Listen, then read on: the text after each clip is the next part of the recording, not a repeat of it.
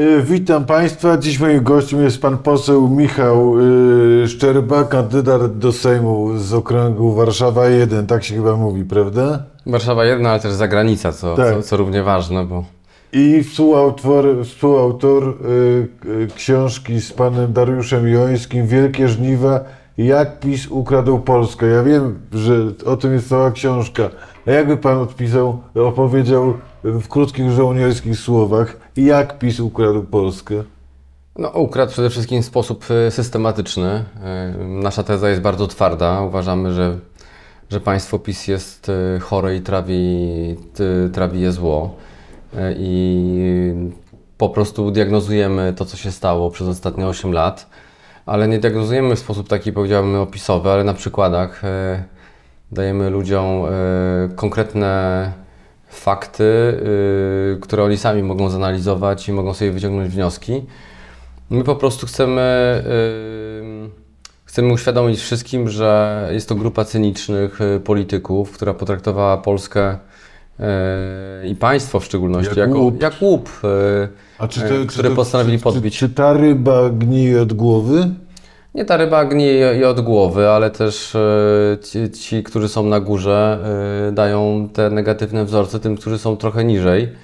E, I myślę, że to jest przykład właśnie nie tylko tej afery wiz wizowej ostatnio, gdzie było absolutne przyzwolenie na, na to, żeby ten proceder korupcyjny funkcjonował wokół polskich konsulatów, wokół pośredników, którzy byli specjalnie wyłonieni w sześciu konkretnych krajach, w Chinach, w Indiach, w Turcji, na Białorusi, na Ukrainie, ale także ostatnio w Filipinach, bo tam była podpisana e, umowa i, e, i jak poszliśmy z Darkiem do Ministerstwa Spraw Zagranicznych, poprosiliśmy o korespondencję o nieprawidłowościach w procesie wizowym, to dostaliśmy taki y, gigantyczny plik zipowany, y, gdzie były po prostu pisma, które wpływały do RAła od dwóch lat, od przedsiębiorców, od pracodawców, od Rzecznika Małych i Średnich Przedsiębiorstw z prostą informacją. Od naszych pracowników, których chcemy ściągnąć do Polski o określonych kompetencjach, e, wymagane są łapówki.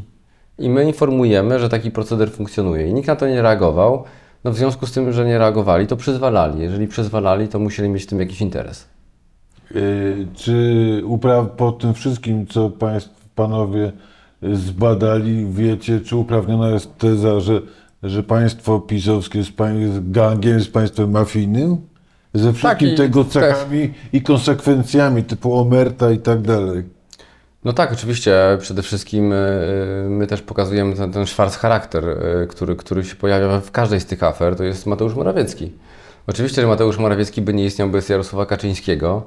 On też się przewija, on też wydawał te kuriozalne oświadczenia, chociażby w sprawie afery respiratorowej, wtedy kiedy Ale pan jako... mówi, że, że, y, przepraszam, pan mówi Morawiecki, szwarc charakter w sensie moralnym, czy Mo- Morawiecki jako zwornik systemu? Znaczy ja, ja uważam, że y, my też prześwietlamy jedną jego aferę, taką bezpośrednią. To jest afera związana z działką kościelną, bo my postanowiliśmy, w, mimo tego, że zajmujemy się tym okresem y, szczególnie po pandemii, czyli po 2020 roku, sięgamy również do elektrowni Ostrołęka, która była tym projektem w, przez nich promowanym od 2015 roku.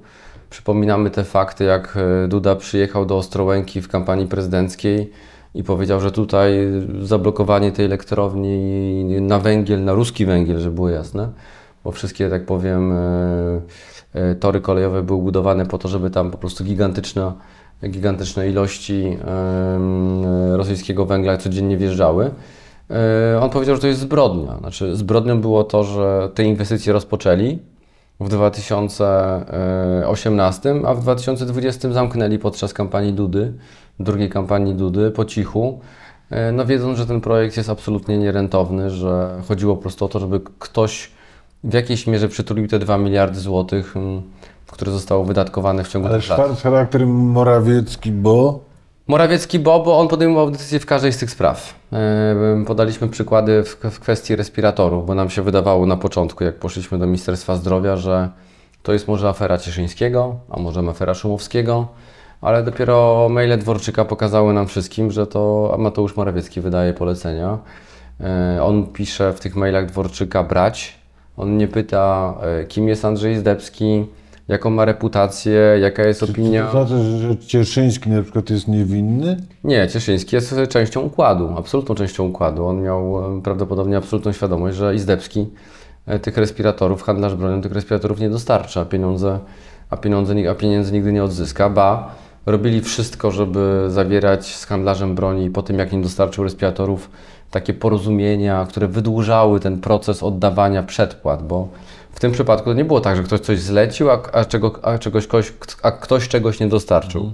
W tym przypadku mieliśmy do czynienia z sytuacją, kiedy tego samego dnia jest podpisywana umowa na respiratory za kwotę 45 milionów euro i tego samego dnia y, Ministerstwo Zdrowia e, wysyła czterema e, przelewami 35 milionów jako przedpłaty.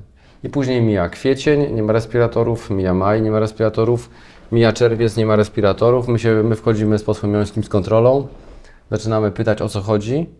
Pojawiają się jakieś yy, odkupione yy, z terenu Niemiec respiratory firmy Drager. Yy, natomiast później pojawiają się pod koniec czerwca w ilości łącznej 200 sztuk inne respiratory, ale zakontraktowane 1241 staje się po prostu fikcją. Szumowski z Cieszyńskim odchodząc w, pod, w połowie sierpnia podpisują porozumienie z handlarzem bronią, że on odda te pieniądze do końca E, do końca października. Mm, Niedzielski, który wchodzi w buty Szumowskiego, respektuje to porozumienie, nie zawiadamiają prokuratorii generalnej. Prokuratoria nie może za zablokować kont, prokuratoria nie może zablokować środków. Pozwalają na wyprowadzenie tych wszystkich pieniędzy. W grudniu 2020 Izdebski wyjeżdża za granicę i już z niej nie wraca. Czy myśli Pan, że jest możliwe, że 120 milionów złotych majątku Y, Morawieckiego, który, o którym wiemy, to nie wszystko? Panie doktorze, no te pieniądze gdzieś muszą być. Znaczy tak powiem szczerze. Yy, Czy ktoś musi. Andrzej Zdebski nie zabrał tych pieniędzy do, do tej metalowej trumny, w której przyjechał z Tirany z kartką na, yy, na trumnie nie otwierać. Więc yy, i nikt się nie interesował, czy ktoś w tej trumnie jest, czy jej nie ma.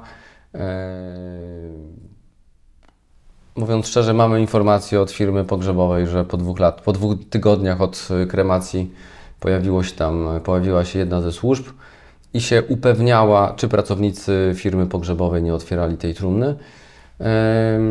Więc nie było tam rodziny, nie było prokuratora, nie było służb specjalnych. Eee, tak naprawdę nikt się tą sprawą nie, nie interesował. To Morawiecki, Szwarc charakter, charakter to jest złodziej czy cwaniak? E, to jest mocne pytanie. E, na pewno to jest spekulant i cwaniak. E, czy jest złodziejem? No to trzeba będzie udowodnić. Myślę, że w tej chwili nie mamy wprost instrumentów, żeby potwierdzić, że dokładnie wie, gdzie te pieniądze wypłynęły. Na pewno nie jest tak, że one zniknęły. Ktoś wpłacił te pieniądze na konkretny rachunek bankowy.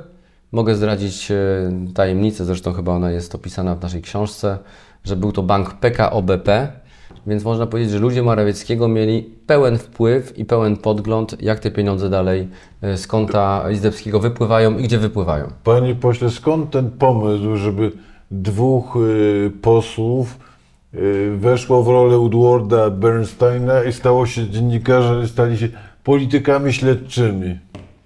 No przede to wszystkim... Był, to był Pana pomysł posłojeńskiego Ale to... mówi Pan o kontrolach czy o książce? O kontrolach na razie. A nie, no to anegdota jest bardzo prosta. No, y, historia jest bardzo prosta, bo po prostu przyszła pandemia i Sejm się stał y, miejscem zdalnej pracy i wszyscy dostali te iPady, które kupiła Witek, y, poszli do domów i, i to było najlepsze dla, dla tej władzy, żeby nikt nie kontrolował, e, nikt nie patrzył im na ręce, ba, tuż przed e, tym właśnie momentem e, wysłania posłów na zdalne e, przegłosowali kilka ustaw. Pierwsza ustawa o pandemiczna to jest likwidacja zamówień publicznych, czyli wszystkie zamówienia z wolnej ręki pod warunkiem, że mają ratować życie i zdrowie Polaków.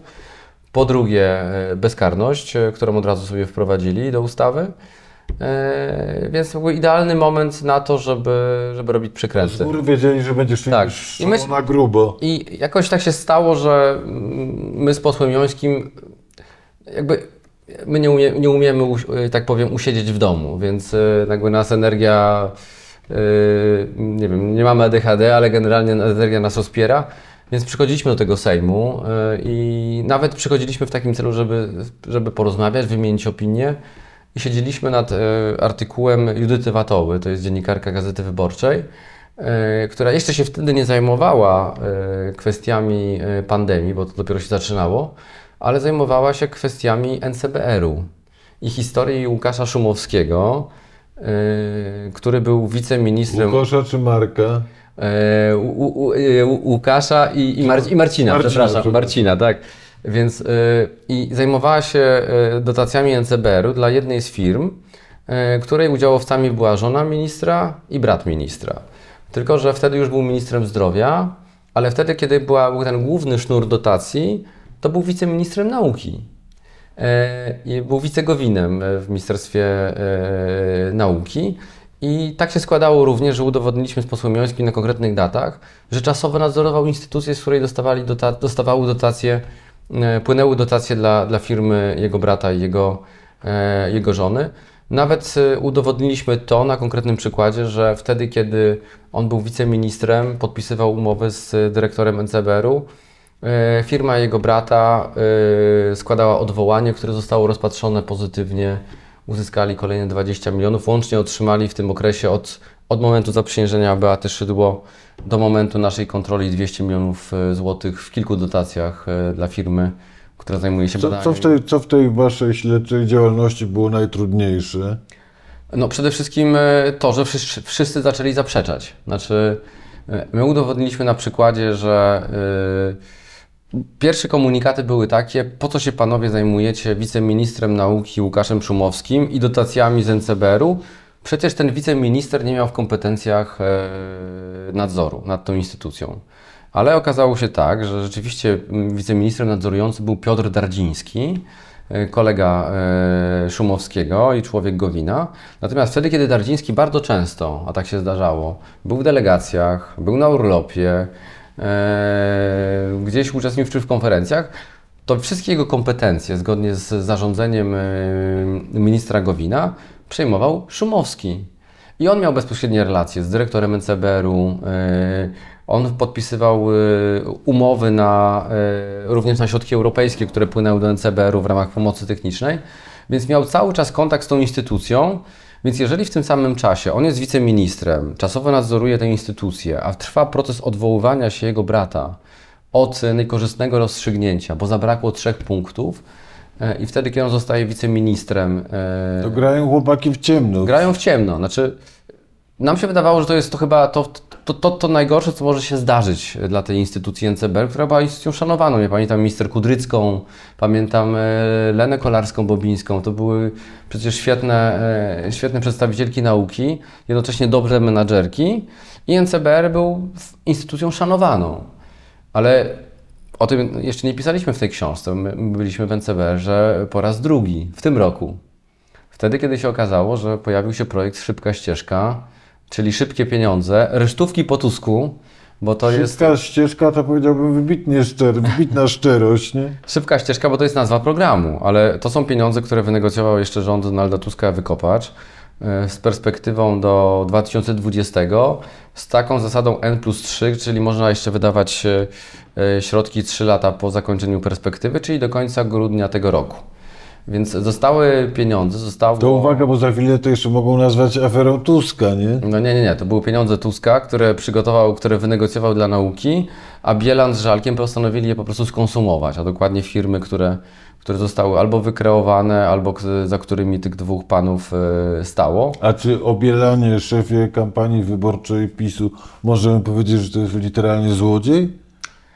No, ja znowu nie chciałbym ze względów, wiele ze względów procesowych, że e, wiele bo jesteśmy w trybie wyborczym takich słów używać, e, bo e, jakby no po prostu trzeba, nie chciałbym tego robić mojemu komitetowi wyborczemu, natomiast e, e, rola Adama Bielana, i to, to obiecuję Panu i obiecuję naszym widzom, zostanie dokładnie wyjaśniona. I to my wprowadziliśmy tam, e, zawiadomiliśmy NIK, zawiadomiliśmy OLAF, zawiadomiliśmy inne instytucje.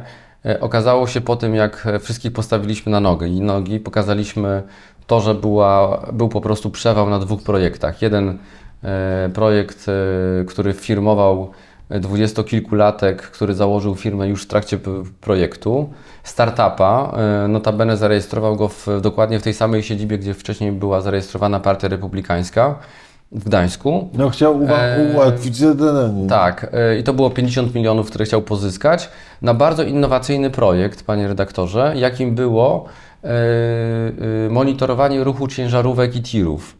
Mianowicie postanowił do tych samochodów podłączyć GPS-a. I dzięki temu właściciel mógł logistycznie wiedzieć, gdzie się poruszają te pojazdy. I to był innowacyjny projekt na 50 milionów. Drugi projekt, który, za którym chodził Jacek Żalek, E, no, znacz- znacznie większa kwota 123 miliony. Firma z Białego Stoku, która miała w poprzednich latach e, nawet stratę albo minimalny zysk. Oczywiście dodajmy, że Żalek jest z Białego Stoku. Z Białego Stoku oczywiście to byli jego ludzie, jego koledzy, ten sam krąg towarzysko, nie chcę wchodzić w takie tematy religijne. E, można powiedzieć, e, firma e, zaplanowała sobie zakup kabla światłowodu e, w, w długości 500 km. Wyobraża Pan sobie 500 km, to tak jakby od e, Gdańska e, albo gdzieś na Helu przeciągnąć to do Zakopanego. I postanowili kupić ten kabel, światłowód, a bo to była firma informatyczna, która notabene też e, prowadzi kablówkę w którym mieście. I e, badania naukowe właśnie prowadzili na tym kablu. Mianowicie chcieli zbadać, czy ten kabel, jakby go ułożyć pod Bałtykiem, pod wodą, czy on by po prostu znalazł swoje zastosowanie, czy byłby skuteczny. Cały pro- program polegał. mógł może, nie? Tak, cały program polegał na tym po prostu, że prawdopodobnie chcieli ten kabel po zakończeniu projektu, szybkiej ścieżki, bo to były projekty roczne, po prostu wykorzystać w innych swoich y, biznesowych Czy, czy pan jest w stanie, znaczy, czy w stanie oszacować choćby pi razy drzwi mniej więcej, y, ile pieniędzy to całe towarzystwo w ostatnich latach wydoi, wydoiło? Rząd wielkości. rektorze, no tak, znaczy tak. Po pierwsze, elektrownia Ostrołęka to 2 miliardy nieodwracalnych strat.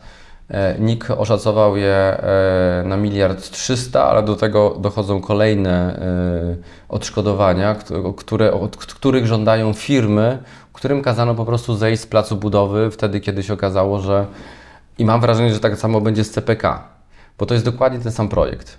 Mamy wielkiego misia, mamy polityków, którzy chcą się, na tym projekcie budować.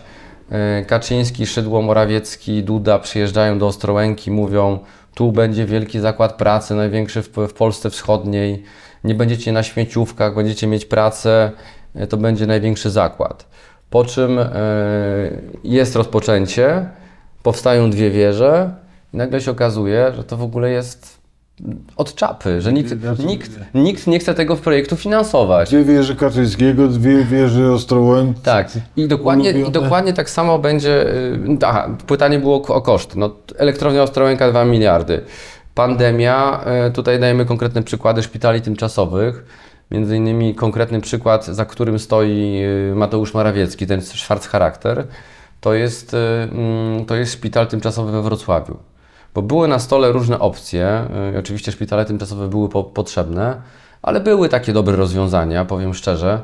E, Na przykład e, Wojskowy Instytut Medyczny na Szaserów. Oni mieli fragment swojego terenu niewykorzystany, mieli parking tam i postanowili szpital tymczasowy zbudować na tym parkingu. Funkcjonalnie połączony z pozostałymi oddziałami, z radiologią, tak po to, żeby również ludziom robić, tak powiem, odpowiednie badania, diagnostykę. I to, i, to, I to miało sens, tak? bo mieli personel, mieli, mieli zaplecze i mieli obok dodatkowe, przez, dodatkową przestrzeń na łóżka. Natomiast e, to, co zrobił Morawiecki, to, co zrobił Morawiecki w, w, we Wrocławiu, to jest po prostu zbrodnia. Znaczy, to jest zbrodnia na 90 milionów złotych, ponieważ zresztą są zarzuty w tej chwili prokuratorskie wobec wojewody dolnośląskiego z naszego zawiadomienia z Darkiem. To też bardzo ciekawa rozgrywka Ziobry, że bardzo często y, unika... Macha palcem trochę. Tak, znaczy, ale nie, my dostarczyliśmy materiał dowodowy, natomiast e, Ziobro zazwyczaj umarza takie postępowania. E, e, natomiast w tym przypadku wojewoda dolnośląski, notabene, który jest kandydatem e, w tej chwili z Wrocławia, konkuruje z Kazimierzem Michałem Ujazdowskim, kandydatem opozycji. On podjął decyzję, razem z Morawieckim notabene, to była pewnie decyzja Morawieckiego, że y, szpital tymczasowy nie zostanie wybudowany na, na nieruchomości publicznej. Nie będzie to hala stulecia w, we Wrocławiu, która była dostępna, można było szybko ją adaptować y, i przystosować do potrzeby szpitala tymczasowego ze wszystkimi odpowiednimi mediami. On sobie wybrał konkretnego y, biznesmena, notabene, którego, tak powiem, źródła są w Ząbkowicach Śląskich, czyli w okręgu Dworczyka, y, któremu postanowił na nieruchomości postawić nowe hale. Dworczyk też niezły gagatek, To, prawda? to, dwóch, dwóch gagatków mamy tutaj. Y, I y, wybudowano hotelarzowi, który miał hotel, restaurację i dwie hale wystawowe, dwie dodatkowe hale wystawowe. Wszystko poszło z funduszu covidowego. Media, kotłownie, światłowody z internetem, y, urządzenie całego terenu, I ciągi 90 piesze. baniek do przodu, tak? 90 baniek do przodu, y, pospłacał wszystkie kredyty, bo mm, oczywiście nieruchomość była zabezpieczona. Y, No w tej chwili oferuje fantastyczne miejsce pod Wrocławiem. Cztery hale wystawowo, wystawowe, które można sobie wynająć. Wszystko z pieniędzy covidowych. Tak się robi po prostu interesy. A proszę powiedzieć, bo Pan na przykład czasem mnie dziwiła ich spolegliwość, pokora albo to, że y, momentami współpracowali. Wspomniał Pan, wchodzicie z Panem Jońskiem do MSZ-u i ja w sumie się dziwię, że oni Wam udostępniają te papiery. Mogliby zagrać idiotów.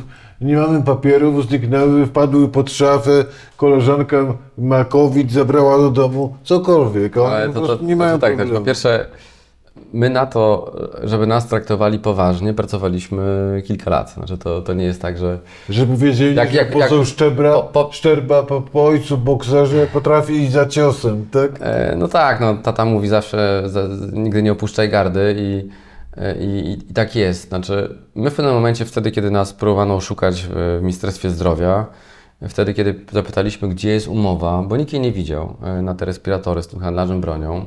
Notabene to jest umowa, której nie pisało Ministerstwo Zdrowia, tylko to handlarz broni przez, ze swoim projektem, a sama umowa e, nie została nawet zaopiniowana przez prokuratorię generalną, czyli taki, taką instytucję, która stoi na, stoi na straży interesu publicznego. e, Wymóg jest taki, że każda umowa powyżej 100 milionów złotych musi mieć zgodę właśnie prokuratorii e, generalnej. W tej sprawie nawet o to nie zapytano, więc to jest, to jest tylko przykład tego, że złamano prawo, podpisując tę umowę. Mm, Druga sprawa jest taka, że my po prostu, e, no, można powiedzieć, że postawiliśmy się. Powiedzieliśmy, że przepraszam, my będziemy tu przychodzić codziennie, będziemy o, to, o, o tę umowę codziennie pytać, będziemy przychodzić za 5, 8, za 5 ósma i będziemy wchodzić e, po 16, dopóki tej umowy nie dostaniemy. I I nagle odpuszczali. tak, i pierwsza opinia była oczywiście taka, że umowy nie ma w ministerstwie, bo pracownik, który się tą sprawą zajmuje, wziął ją se w segregatorze e, do pracy zdalnej domowej. Czyli umowę, umowę na 45 milionów, to jest na 200 milionów złotych pracownik sobie wziął do domu. Niech E. Pan powie, która z tych afer jest Pana zdaniem matką wszystkich aferów, afer?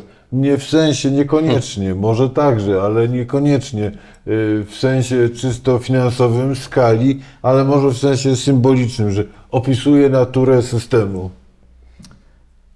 Każdy, każda afera jest inna, e, ale, ale ma, łączą, je te same, łączą je te same nazwiska. E, oczywiście decyzja Morawieckiego, która stoi za wszystkim.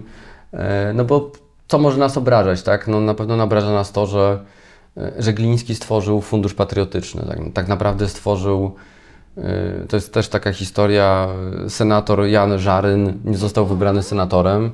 Przegrał z kandydatką Koalicji Obywatelskiej.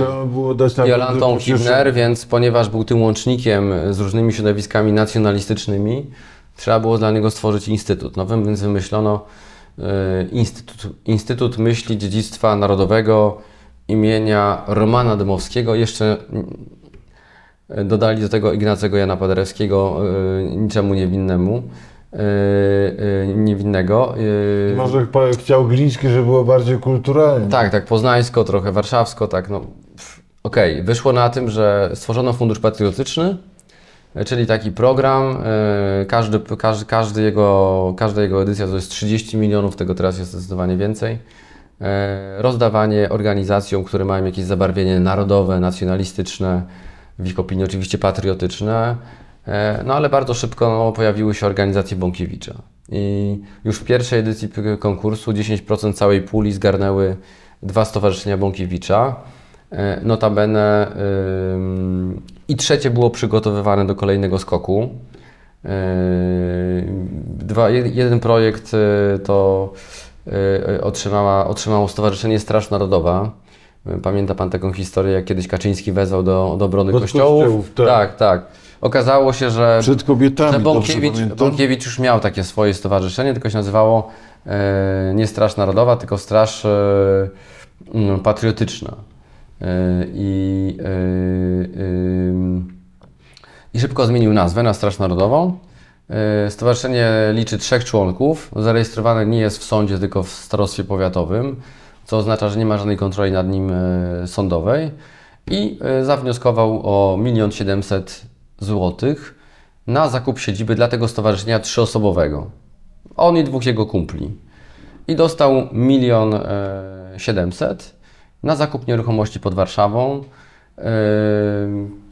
Tuż po przekazaniu mu tych środków pojechał do powiatu otwockiego, wybrał sobie hektarową nieruchomość, posiadłość w środku lasu w otulinie Parku Narodowego. E, Wielki dom, plus do tego kilka domków e, takich powiedziałbym letniskowych. Kupił tą nieruchomość bez żadnego zabezpieczenia. Czyli może tą nieruchomość sprzedać następnego dnia, tylko on i tych dwóch kumpli ma, na, ma wpływ Panie na to. proszę I to był, to był pilotaż tego programu Villa Plus, który później rozwinął Czarnek. Od opisowców pan tu pod ręką w Sejmie ogląda od wielu lat. Widzi pan, co to za ludzie, zna pan ich. Czy w czasie tej działalności śledczej dowiedział się pan czegoś więcej, czego pan nie zauważył, albo nie podejrzewał, albo nie domyślał się siedząc w Sejmie? No nie no, myślę, że przede wszystkim e, e, my na tych e, przykładach udowadniamy, że to nie jest takie czyste złodziejstwo. W sensie takim, że to jest pewien system, który oni budowali bardzo konsekwentnie. Znaczy, wyłączanie tak zwanych e, bezpieczników e, w państwie. Najpierw to jest służba cywilna, no bo przecież e, w normalnym kraju, takim jak Wielka Brytania, gdzie jest służba cywilna, przecież żaden urzędnik takiej umowy z handlarzem bronią by nie zrealizował. Powiedziałby, ja, ja, ja odmawiam wykonania tego polecenia, bo ono jest niezgodne z prawem. Tak? Znaczy, pamiętajmy również o tym, że przecież w tym momencie, kiedy oni kupowali te respiratory y, od handlarza bronią, mieli do dyspozycji y, europejski, unijny przetarg, który ogłosiła Komisja Europejska.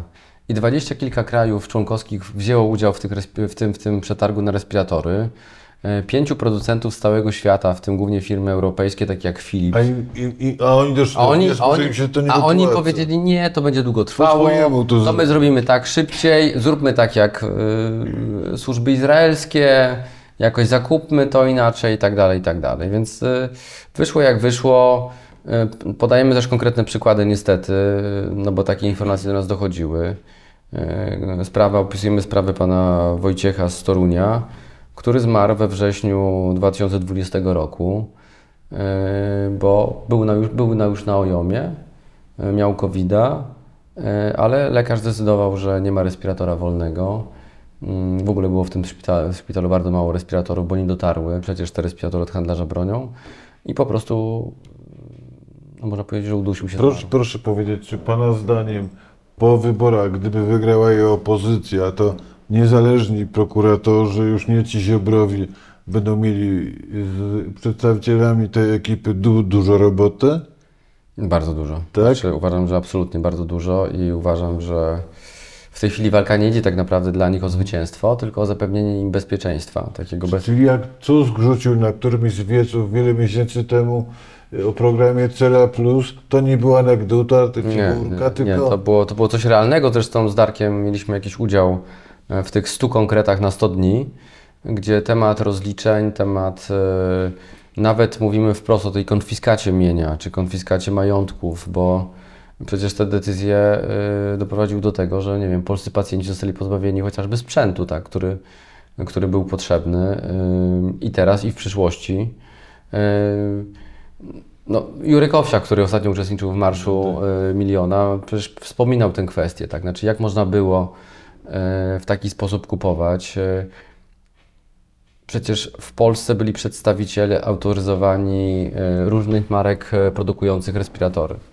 Te respiratory były na rynku. Oni w sposób systematyczny i celowy unikali tego typu poważnych partnerów do zakupów, po to, żeby po prostu te pieniądze wyprowadzić. Czy nie było dla Was z, panem Jońskim i ogólnie dla przedstawicieli opozycji pewnym źródłem frustracji, że tak spora część społeczeństwa była tak doskonale, była i jest, wydaje się, tak doskonale odparna, odporna na informacje rzetelne o tym, co się działo, co się dzieje? No tak, no, znaczy y, przede wszystkim y, no tak, znaczy, bo my się wszyscy baliśmy. Tak? Znaczy myśmy, myśmy w pewnym momencie y, zaufali jakiejś określonej grupie polityków, tak? że oni y, rzeczywiście chcą ratować y, życie Polek i Polaków. Znaczy, ale, ale przykłady szpitali tymczasowych, które były realizowane nie po to, żeby tam leczyć ludzi, ale po to, żeby na przykład inwestować w prywatne nieruchomości, gigantyczne pieniądze, podnosić ich wartość, tak? E, e, a później się okazywało, że jakaś mała pula łóżek jest w ogóle udostępniana. E, Okazało się, że są wykonywane prace, które nie mają nic wspólnego chociażby z, z konkretną potrzebą infrastruktury szpitalnej, tylko są po prostu inwestycją. Myśmy nawet dotarli do takiego dokumentu we Wrocławiu, gdzie było napisane wprost, że, e, że oni wykonują prace, które są związane e, ze szpitalem, a następnie z późniejszą działalnością, która ma być w tych halach, halach realizowana. Ba, dotarliśmy nawet do umów, e, z których wynikało, że te hale mają być przez tego przedsiębiorcę, któremu wybudowano je na prywatnej nieruchomości, odkupione.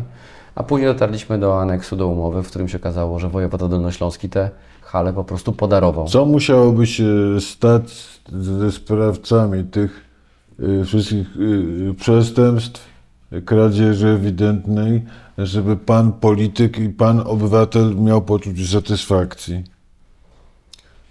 No przede wszystkim ja uważam, że y, prokuratura powinna postawić y, realne zarzuty. Trzeba wrócić do tych wszystkich zawiadomień, które kieruje prokuratura, y, kieruje, przepraszam, Najwyższa Izba Kontroli. Y, my również w każdej z tych spraw złożyliśmy zawiadomienia do prokuratury. Ja y, 13 października o godzinie 10 w Sądzie Okręgowym w Warszawie będę y, zaskarżał decyzję Ziobry w sprawie umorzenia śledztwa w sprawie afery respiratorowej. Yy, I mam nadzieję, że, yy, no, że sędzia, który, który tę sprawę dostał, yy, stanie na wysokości zadania i dostrzeże te wszystkie yy, oczywiste nieprawidłowości w, w tym procesie i również, również to, jaki była, jaka, jaka była szkoda społeczna tych, tych, tych działań i jaki uszczerbek w budżecie Ministerstwa Zdrowia ta, ta umowa spowodowała. Mm, Więc jakby my nie odpuszczamy na żadnym etapie. Kiedy będę miał poczucie satysfakcji? No wtedy, kiedy odpowiedzialni poniosą e, odpowiedzialność. Uważam, że to nie jest tylko odpowiedzialność polityczna e, wobec ministrów konstytucyjnych, czyli Trybunał Stanu, ale również konkretne zakazy, chociażby dysponowania środkami publicznymi, zarządzania instytucjami publicznymi e, przez długi okres, bo to się w ogóle w, głowie nie, nie, nie mieści, że mamy aferę respiratorową, gdzie mamy dziesiątki milionów e, nieodzyskanych środków. Mamy celowe działania po to, żeby uszczuplić e, budżet Ministerstwa jedynki, Zdrowia. jedynką na liście A, a, Janusz, a. Janusz, a Janusz Cieszyński staje się jedynką e, w Olsztynie. Janusz Cieszyński zostaje ministrem cyfryzacji. Janusz Cieszyński zarządzał jakimiś dwoma miliardami zakupów pande, pandemicznych, a teraz zarządza kilkudziesięcioma miliardami na cyfryzację Polski. I jeszcze dostał do, specjalne zadanie, czyli krajowy, centralny rejestr wyborców i być może od jednego, jednego jego ruchu, yy, bo nadzoruje ten system informatyczny, zale, zależy to, czy nagle się okazuje, że, że te wybory w ogóle się nie udadzą, bo nie wiem, bo, bo ludzie stracą dostęp do swoich danych, że komisje nie będą w stanie zweryfikować ludzi. Yy, znaczy, ludzie skorumpowani otrzymali gigantyczne odpowiedzialności i są absolutnie dyspozycyjni. Bo w każdej z tych spraw Bo jeszcze są Ziobro- haki na nich, nie? Ziobro może postawić im. E, im e, Która to jest y, pana kampania wyborcza w życiu, pana pośle? e, tak, no byłem, miałem trzy, trzy lokalne, bo byłem radnym dzielnicy Wola. A taka wy, do Sejmu. która- Do Sejmu to, to będzie czwarta moja kampania. Proszę powiedzieć, czy jest w tej kampanii czwartej coś innego niż po w poprzednich trzech? Co, Ja myślę, może, że- co może by skłaniały panu, pana do, do, do, do, do łatwiejszego przewidywania wyników? Znaczy, po pierwsze widzę mobilizację e, i e, ludzie chcą. Ja, ja mam takie wrażenie, że, że to był Rafał Trzaskowski w 2020 roku, w, w czerwcu, w lipcu, kiedy jakby zaczął, zaczął mobilizować ludzi. Ja mam takie wrażenie, po pierwsze, że częściowo te wybory zostały sfałszowane w tym sensie, że w wielu miejscach nie przypilnowano uczciwego procesu wyborczego. Myślę chociażby o, e, o instytucjach, które prowadzą kościelne. Albo przypilnowano, żeby było nieuczciwe. Kościelne osoby prawne, y, no, te przykłady w Świętokrzyskiem, y, zakładów opiekuńczo-leczniczych, DPS-ów prowadzonych przez zakonnice, gdzie nagle 100% głosowania głosujących, 100% na Dudę. W sytuacji, kiedy są tam osoby z dużym upośledzeniem intelektualnym, z chorobami otępiennymi i tak wtedy, wtedy to było bardzo ważne, nie wpuszczano obserwatorów do tych miejsc, bo była pandemia, prawda? E, Teraz możemy to robić, ale w tej chwili dostaję jakieś dramatyczne informacje, że e, pamięta Pan tą historię i tą narrację Ziobry, że kto wygrywa w więzieniach? Platforma Obywatelska. tak. tak. W tej chwili wiemy, że szykują się na jakieś gigantyczne nieprawidłowości w procesie wyborczym w aresztach śledczych i więzieniach. I teraz już gra, do tak, i gra idzie w tej chwili o 77 tysięcy wyborców i wyborczyń w więzieniach, który, które nadzoruje Ziobro, więc zobaczymy te wyniki, zobaczymy, e, czy nie było jakichś e, formalnych, nieformalnych. Ale pan mimo wszystko zachowuje optymizm. Ja zachowuję optymizm, bo y, widzę to momentum, widzę, że to, że, że, że, że jednak to idzie Zaczęło iść. tak, czu- czuję, czuję ten wiatr zmiany. Pytanie, na ile on będzie silny. I pytanie, czy, czy uda się skonstruować taką stabilną większość, bo PiS też się czuje w takie, dobrze w takiej mętnej wodzie, wodzie, w takim, nie wiem, rządzie mniejszościowym, w kupowaniu ludzi. Yy, My mamy ten, ten, ten, ten wielki przywilej na przykład, zobaczmy na, na, na demokratyczny Senat. Przez 4 lata próbowali tam różnymi korzyściami finansowymi, stanowiskami yy, i tych, tymi rzeczami, o których wiemy lub nie wiemy jeszcze, yy, korumpować ludzi.